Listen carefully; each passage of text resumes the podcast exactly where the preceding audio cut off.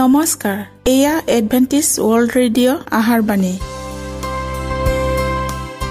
ঊনৈছ মিটাৰ বেণ্ডত পোন্ধৰ হাজাৰ পাঁচশ পঞ্চাছ কিলো হাজত।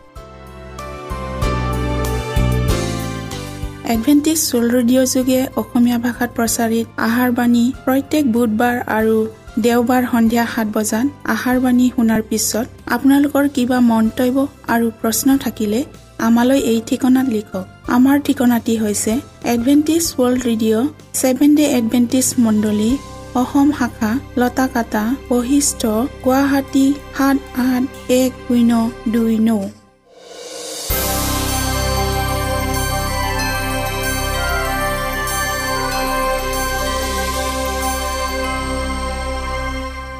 প্ৰিয় শ্ৰোতা বন্ধুসকল এতিয়া শুনো আহক এটি খ্ৰীষ্টীয় ধৰ্মীয় গীত।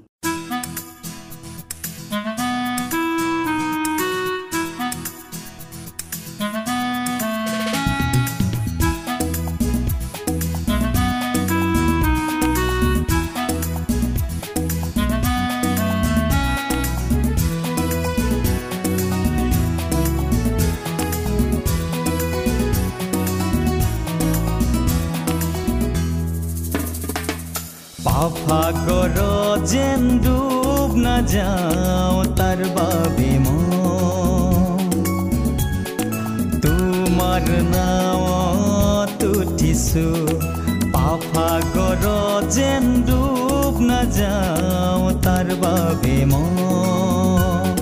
তোমাৰ নাৱত উঠিছো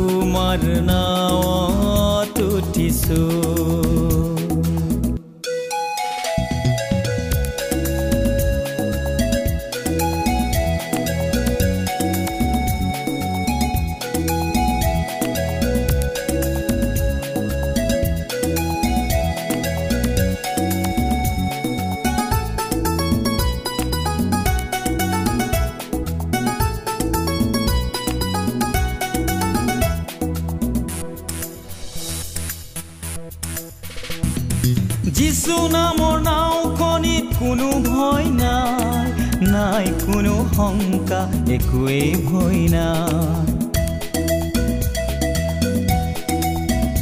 অ যিচু নামৰ নাওখনিত কোনো ভয় নাই নাই ছয়তানৰ চলনা ভয় নাই প্ৰবল ধুমুহাৰো ভয় নাই নাই ভয়াল সুতৰো ভয় নাই যিচু বঠা বাই বাই হে ভাই নিয়ে শান্তিৰে চলা যিচু বঠা বাই বাই হে ভাই, নিয়ে শান্তিৰে চলা পাফাগৰ যেন ডুব নাযাওঁ তাৰ বাবে মই তোমাৰ নাৱত উঠিছো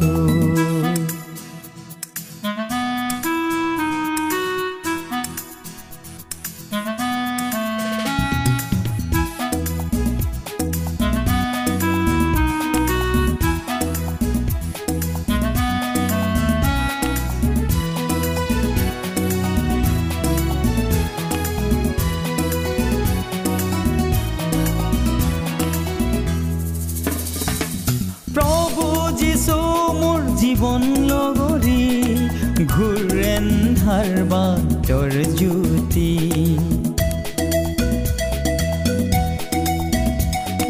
খোজে খোজে যাওঁ যদি মই পিছলি পাওঁ শক্তি আৰু সুমতি।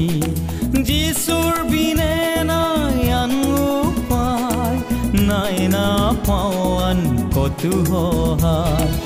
যিচুৱে চলাই মোক সদায় শান্তিৰ পাঠ দেখুৱা যিচুৱে চলাই মোক সদায় শান্তিৰ বাটে খোৱা পাফাগৰত যেন ডুব নাযাওঁ তাৰ বাবে মই তোমাৰ নাৱত উঠিছো। পাফাগৰত যেন ডুব নাযাওঁ তাৰ বাবে মই তোমাৰ নাৱত উঠিছো প্ৰিয় শ্ৰোতা বন্ধুসকল আহক আমি খন্তেক সময় বাইবেল অধ্যয়ন কৰোঁ হওক।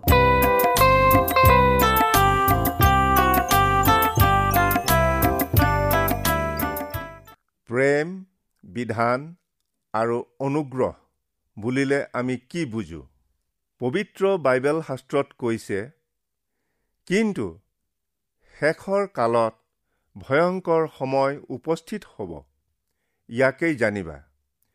কিয়নো সেই কালত মানুহবিলাকে নিজকে প্ৰীতি কৰোতা ধনলোভীয়া দৰ্পী অহংকাৰী নিন্দক পিতৃ মাতৃক নমনা অপবিত্ৰ স্নেহহীন নিৰ্দয় অপবাদক ইন্দ্ৰিয় দমন নকৰা প্ৰচণ্ড সাধুক ঘৃণাওতা বিশ্বাসঘাতক আপোনময় মত গোপাল ঈশ্বৰ প্ৰিয়তকৈ বৰং সুখপ্ৰিয় ভক্তিৰ আকাৰধাৰী কিন্তু তাৰ শক্তি অস্বীকাৰকাৰী হ'ব। এনেবিলাক মানুহৰ পৰা তুমি বিমুখ হোৱা। তাহানি কালতেই মৃত্যু হোৱা আমাৰ আজু ককাহঁতে আমাৰ জঘন্য ঘৃণনীয় নীতি নিয়ম নোহোৱা দিনবোৰ দেখিলে তেওঁবিলাকৰ শৰীৰ মন হিয়ৰি উঠিলহেঁতেন। এইবোৰৰ মাজতো মানুহৰ বিশৃংখল আৰু যন্ত্ৰণাৰ জৰ্জৰিত হোৱা স্বত্তেও তাহানি দিনৰ ভাওবাদীৰ হতাশ নিৰাশাৰ কণ্ঠস্বৰ এতিয়াও স্পষ্টৰূপে শুনা যায়। সেইবিলাকৰ ভৰি কুকৰ্মৰ ফাললৈ বেগাই চলে আৰু সিবিলাকে নিৰ্দোষীৰ ৰক্তপাত কৰিবলৈ বেগাবেগি কৰে। সিবিলাকৰ কল্পনাবোৰ অধৰ্মৰ কল্পনাহে সিবিলাকৰ পথত ধ্বংস আৰু উচ্ছন্নতা আছে। সিবিলাকে শান্তিৰ পথ নাজানে আৰু সিবিলাকৰ গতিত একো বিচাৰ নাই। সিবিলাকে নিজলৈ বেকাবেকি বাট কৰিছে। যিজনে সেই পথত চলে সি শান্তি নাজানে। নতুন নিয়মৰ প্ৰথমখন সুবাৰ্তাত কৈছে আৰু অধৰ্ম অধিক হোৱাত অনেকৰ প্ৰেম চেঁচা হৈ যাব। যেতিয়াই মানুহৰ মনৰ পৰা এজনে আনজনক ভাল পোৱা প্ৰেম ভাৱ নাইকিয়া হৈ যায় তেতিয়াই সেইজনে বেকাবেকি পথ অনুসৰণ কৰি অশান্তিৰ জোৱাৰ তোলে। বিশুদ্ধ প্ৰেম দয়া মমতা ইত্যাদি গুণবোৰ আজিৰ দিনত দুষ্প্ৰাপ্য হৈ পৰিছে। কিয়? আজিৰ এই অশান্তিময় জগতত প্ৰেম আনন্দ আশা আৰু শান্তিৰ অভাৱে বিৰাজ কৰিছে। শাস্ত্ৰত কৈছে আৰু তোমালোকৰ সকলো কৰ্ম প্ৰেমেৰে কৰা হওক আজি দুহেজাৰ বছৰতকৈ অধিক হোৱা শাস্ত্ৰৰ উপদেশ বাণী মানুহে বিদ্বেষ ভাৱ লৈ কেনেদৰে অৱহেলা কৰিছে? আধুনিক জগতৰ সমস্যাৱলী সমাধানৰ বাবে দাৰ্শনিক শিক্ষাবিদ মনোবৈজ্ঞানিকসকলে নানা সূত্ৰ আৱিষ্কাৰ কৰিছে। কিন্তু সেই সূত্ৰবোৰৰ দ্বাৰাই জগতৰ সমস্যাবোৰ সমাধান কৰি শান্তি স্থাপন কৰিব পাৰিছেনে? বৰং জগতৰ চুকে কোণে অৰাজকতাই অধিক বিস্তাৰহে কৰিছে। পবিত্ৰ বাইবেলে কৈছে আৰু তোমালোকে ৰণৰ কথা আৰু যুদ্ধৰ সম্ভাৱনাৰ বাতৰি শুনিবা। জাতিৰ বিৰুদ্ধে জাতি ৰাজ্যৰ বিৰুদ্ধে ৰাজ্য উঠিব আৰু ঠায়ে ঠায়ে আকাল আৰু ভূমিকম্প হ'ব। যীশুখ্ৰীষ্টই কোৱা ভাৱবাণী কেনে সঠিকভাৱে আজি ঘটি আহিছে বিশ্ববাসী মাত্ৰেই জানে। ইয়াক বহলাই কোৱা নিষ্প্ৰয়োজন। এডেনবাৰীৰ পৰা আৰম্ভ কৰি আজি জগতৰ কোটি কোটি নৰ নাৰীয়ে প্ৰেমময় ঈশ্বৰৰ হাতত নিজকে সোধাই নিদি তেওঁৰ বিৰুদ্ধাচৰণহে কৰিছে। সেয়ে শাস্ত্ৰত উল্লেখ আছে আমি যেতিয়া ঈশ্বৰক প্ৰেম কৰোঁ আৰু তেওঁৰ আজ্ঞাবোৰ পালন কৰোঁ তেতিয়া ঈশ্বৰৰ সন্তানবিলাককো যে প্ৰেম কৰোঁ ইয়াকে জানো। কিয়নো আমি যেন ঈশ্বৰৰ আজ্ঞাবোৰ পালন কৰোঁ ঈশ্বৰে দিয়া প্ৰেমৰ অভিপ্ৰায় এইয়েই আৰু তেওঁৰ আজ্ঞাবোৰ ববলৈ গধুৰ নহয়। ঈশ্বৰৰ আজ্ঞা কোনটো? অনেক খ্ৰীষ্টীয় ধৰ্মীয় নেতাই ইয়াৰ সূত্ৰ হয়তো নাজানে। চিনয় পৰ্বতৰ ওপৰত ঈশ্বৰে নিজৰ আঙুলিৰে দুখন শিলৰ ফলিত লিখা বাক্যখিনিয়েই দহ আজ্ঞা। ঈশ্বৰৰ অপৰিৱৰ্তনীয় বিধান যীশুখ্ৰীষ্টই দহ আজ্ঞাক দুভাগত বিভক্ত কৰিছে। প্ৰথম চাৰিটা আজ্ঞা ঈশ্বৰৰ প্ৰতি প্ৰেম আৰু দ্বিতীয় ছটা আজ্ঞা মানুহৰ প্ৰতি প্ৰেম। আজি অনেকে শিক্ষা দিয়ে ঈশ্বৰৰ দহ আজ্ঞা খ্ৰীষ্টই ক্ৰুচত গজাল মাৰি শেষ কৰিলে। এয়া কেনে না ভূত না শ্ৰুত শিক্ষা? যীশুৱে কৈছে বিধানৰ এক বিন্দু লুপ্ত হোৱাতকৈ আকাশ আৰু পৃথিৱী গুচি যোৱাই উজু। এনে মাংসিকভাৱে শিক্ষা দিয়া অকল সকল ঈশ্বৰৰ শত্ৰু আৰু সিবিলাক ঈশ্বৰৰ বিধান বা দহ আজ্ঞাৰ বহিভূত নহয় আৰু হ'বও নোৱাৰে। শাস্ত্ৰত কৈছে য'ত বিধান নাই তাত পাপকো গণনা কৰা নাযায়। প্ৰশ্ন উদয় হয় পাপ কি? ঈশ্বৰৰ বাক্যই উত্তৰ দি কৈছে যিকোনোৱে পাপ আচৰণ কৰে তেওঁ বিধান লংঘন কৰে আৰু পাপেই বিধান লংঘন। যীশুৱে কোৱা ভাওবাণীলৈ মন কৰক। অধৰ্ম অধিক হোৱাত অৰ্থাৎ ঈশ্বৰৰ দহ আজ্ঞা ভংগ কৰাত অনেকৰ প্ৰেম চেঁচা হৈ যাব।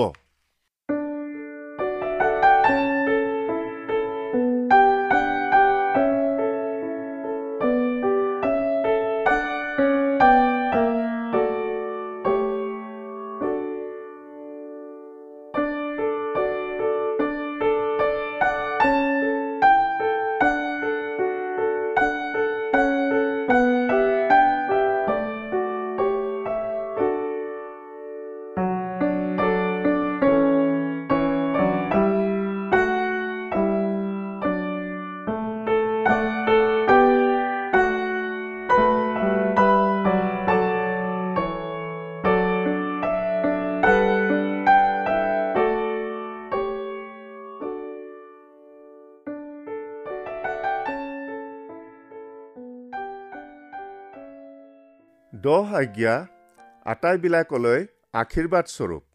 কিয়নো বিধানৰ কৰ্মৰ দ্বাৰাই কোনো মৰ্তই তেওঁৰ আগত ধাৰ্মিক বুলি গণিত নহ'ব। কাৰণ বিধানৰ দ্বাৰাই পাপৰ বিষয়ে জ্ঞান জন্মে। শাস্ত্ৰৰ আন এঠাইত দহ আজ্ঞাক স্বাধীনতাৰূপ সিদ্ধ বিধান বুলি কৈছে। দহ আজ্ঞা ভংগকাৰীৰ পৰিণাম পাপ। আৰু পাপৰ বেচ মৃত্যু। বাইবেলে কৈছে সকলোৱে পাপ কৰিলে আৰু ঈশ্বৰৰ মহিমাৰ পৰা বঞ্চিত হৈছে।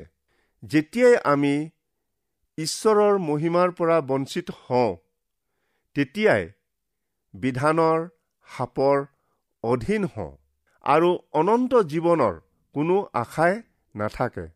কিন্তু ঈশ্বৰে যীশুখ্ৰীষ্টৰ যোগেদি আমাক অনুগ্ৰহ দান কৰিলে যেন আমি জীৱন পাওঁ। আমি আমাৰ কৰ্মৰ দ্বাৰাই পাপৰ পৰা উদ্ধাৰ নাপাওঁ। কিন্তু যীশুখ্ৰীষ্টৰ তেজৰ দ্বাৰাইহে আমাৰ পাপ অপৰাধ মোচন হয়।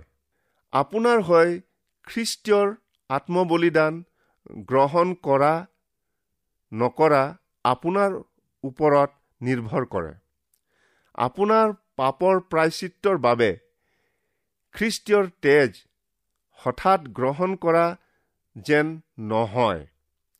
প্ৰথমতে ঈশ্বৰে আপোনাক আপোনাৰ শত্ৰু ভাৱাপন্ন মনোভাৱ ত্যাগ কৰি তেওঁৰ বাধ্যতাত চলাটো বিচাৰে। শাস্ত্ৰত কৈছে তোমালোকৰ পাপমোচনৰ অৰ্থে মন পালতোৱা আপুনি কেৱল অনুতাপ কৰিলেই নহয় ঈশ্বৰত বিশ্বাসো কৰিব লাগে। অনুতাপৰ মূল অৰ্থ হৈছে পাপ অপৰাধবোৰ ত্যাগ কৰি জীৱনত সম্পূৰ্ণ পৰিৱৰ্তন অনা। আৰু ছৈতানৰ দ্বাৰাই প্ৰভাৱান্বিত নহয় ঈশ্বৰৰ প্ৰেমৰ বাধ্যতা হয় তেওঁৰ আজ্ঞা পালন কৰা। ঈশ্বৰে যীশুখ্ৰীষ্টৰ যোগেদি অনুগ্ৰহ দান কৰা হেতুকে পাপবোৰ ক্ষমা হ'ল। পৰিত্ৰাণ বা উদ্ধাৰ আমি আৰ্জি ল'ব নোৱাৰোঁ।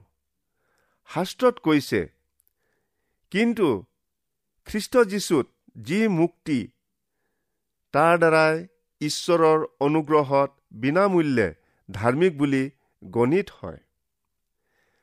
আমি খ্ৰীষ্টীয়ত বিশ্বাস কৰি অনুগ্ৰহেৰে পৰিত্ৰাণ পোৱাত ঈশ্বৰৰ দহ আজ্ঞাৰ প্ৰয়োজন নোহোৱা হ'লনে? কেতিয়াও নহয়। শাস্ত্ৰত কৈছে তেন্তে আমি বিশ্বাসৰ দ্বাৰাই দহ আজ্ঞা লুপ্ত কৰিছোনে? এনে নহওক দহ আজ্ঞা থিৰহে কৰিছো। প্ৰিয় শ্ৰোতা বন্ধুসকল আপোনালোকে মন দি শুনক। দহ আজ্ঞাই পাপ দেখুৱাইহে দিয়ে কিন্তু পাপ ক্ষমা কৰিব নোৱাৰে। কেৱল যীশুখ্ৰীষ্টইহে আমাক আমাৰ পাপৰ পৰা উদ্ধাৰ কৰিব পাৰে। আপুনি তেওঁৰ দহ আজ্ঞা উলংঘন কৰাত পাপ হোৱাত বিধানহীন হ'ল। এতিয়া ঈশ্বৰে আপোনাক তেওঁৰ আজ্ঞা পালন কৰাটোহে বাঞ্ছা কৰে। কিয়নো ঈশ্বৰৰ আগত তেওঁৰ আজ্ঞা শুনাবিলাক নহয় কিন্তু আজ্ঞা পালন কৰাবিলাককহে ধাৰ্মিক বুলি গণিত হ'ব। আমি অনুতাপ কৰি খ্ৰীষ্টীয়ৰ তেজত ধুই সূচী হৈ পাপ ক্ষমা পোৱাৰ পাছত আমি ঈশ্বৰৰ পৰা পৃথক নহওঁ। এতিয়া পবিত্ৰ আত্মাৰ দ্বাৰাই পৰিচালিত হৈ আমাৰ জীৱনত নকৈ সৃষ্টি হোৱাত তেওঁৰ দৰে হ'ম আৰু প্ৰেম আনন্দ ধৈৰ্য মনৰ শান্তিৰে অনুপ্ৰাণিত হ'ম। শাস্ত্ৰত কৈছে ঈশ্বৰৰ ব্যৱস্থা সিদ্ধ প্ৰাণক সুস্থ কৰোতা। নেভাবিব আপুনি আপোনাৰ শক্তিৰে জীৱনত পৰিৱৰ্তন সাধন কৰিব পাৰিছে।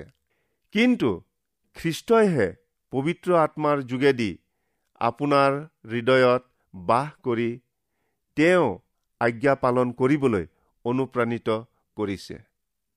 মই খ্ৰীষ্টে সৈতে ক্ৰুচত হত হলো। মই যিছো বুলিলেও সেয়ে আৰু মই নহয়। খ্ৰীষ্টইহে মোত জিছে।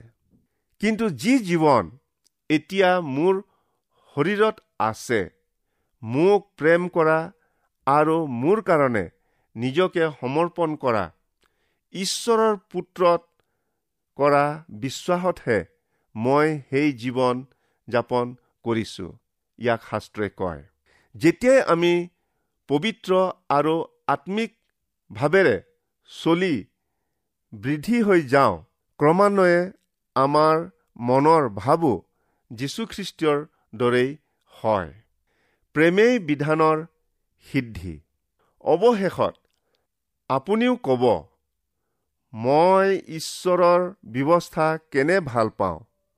ওৰে দিনটো সেয়ে মোৰ ধ্যানৰ বিষয়।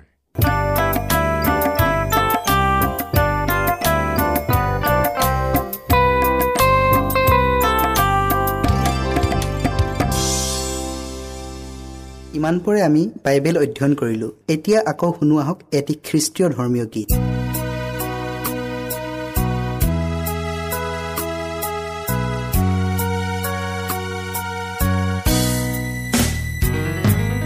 নতুন পৃথিৱী নতুন দিন নতুন সপোন দেখিবলৈ দিলা।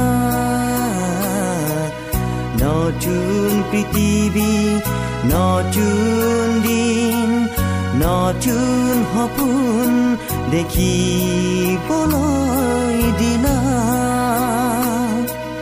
পুৰণি দিন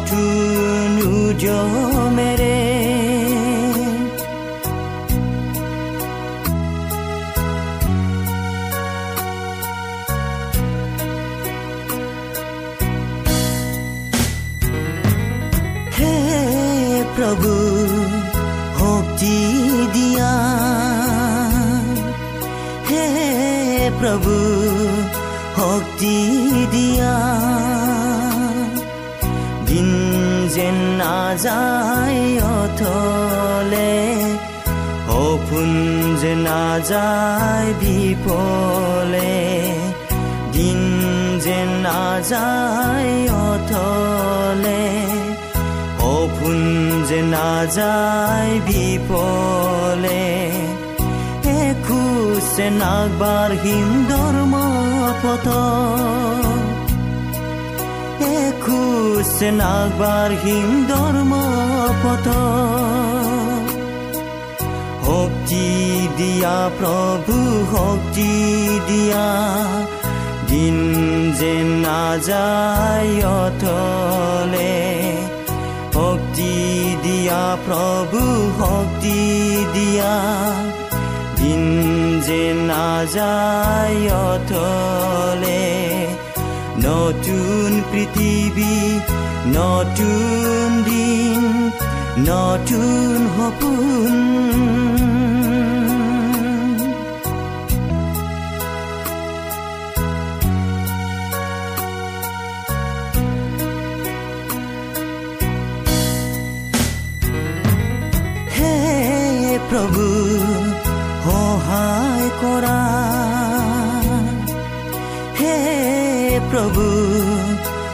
সহায় কৰা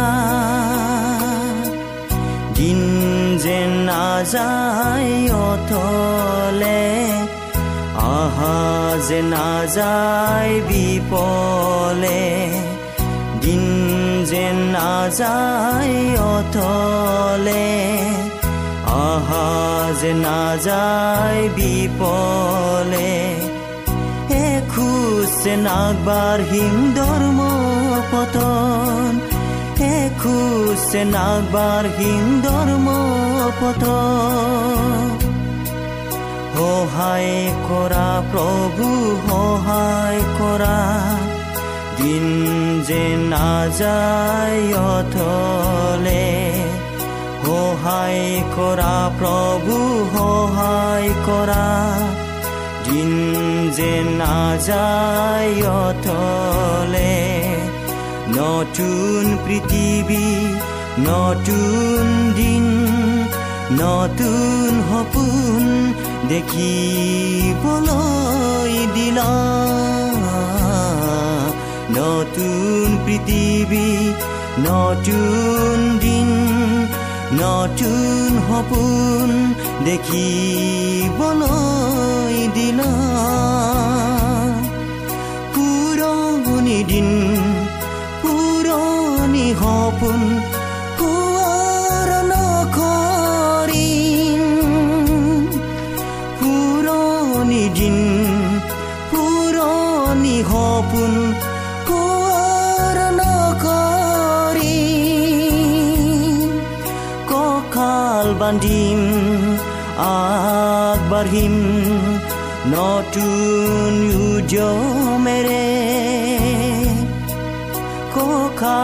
বান্ধিম আগবাঢ়িম নতুন উদ্যমেৰে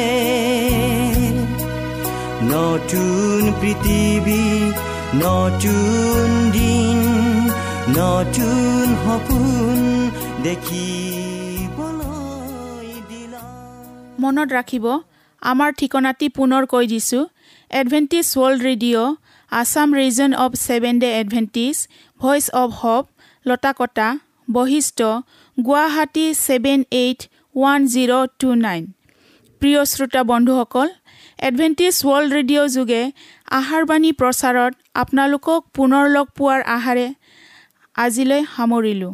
ধন্যবাদ।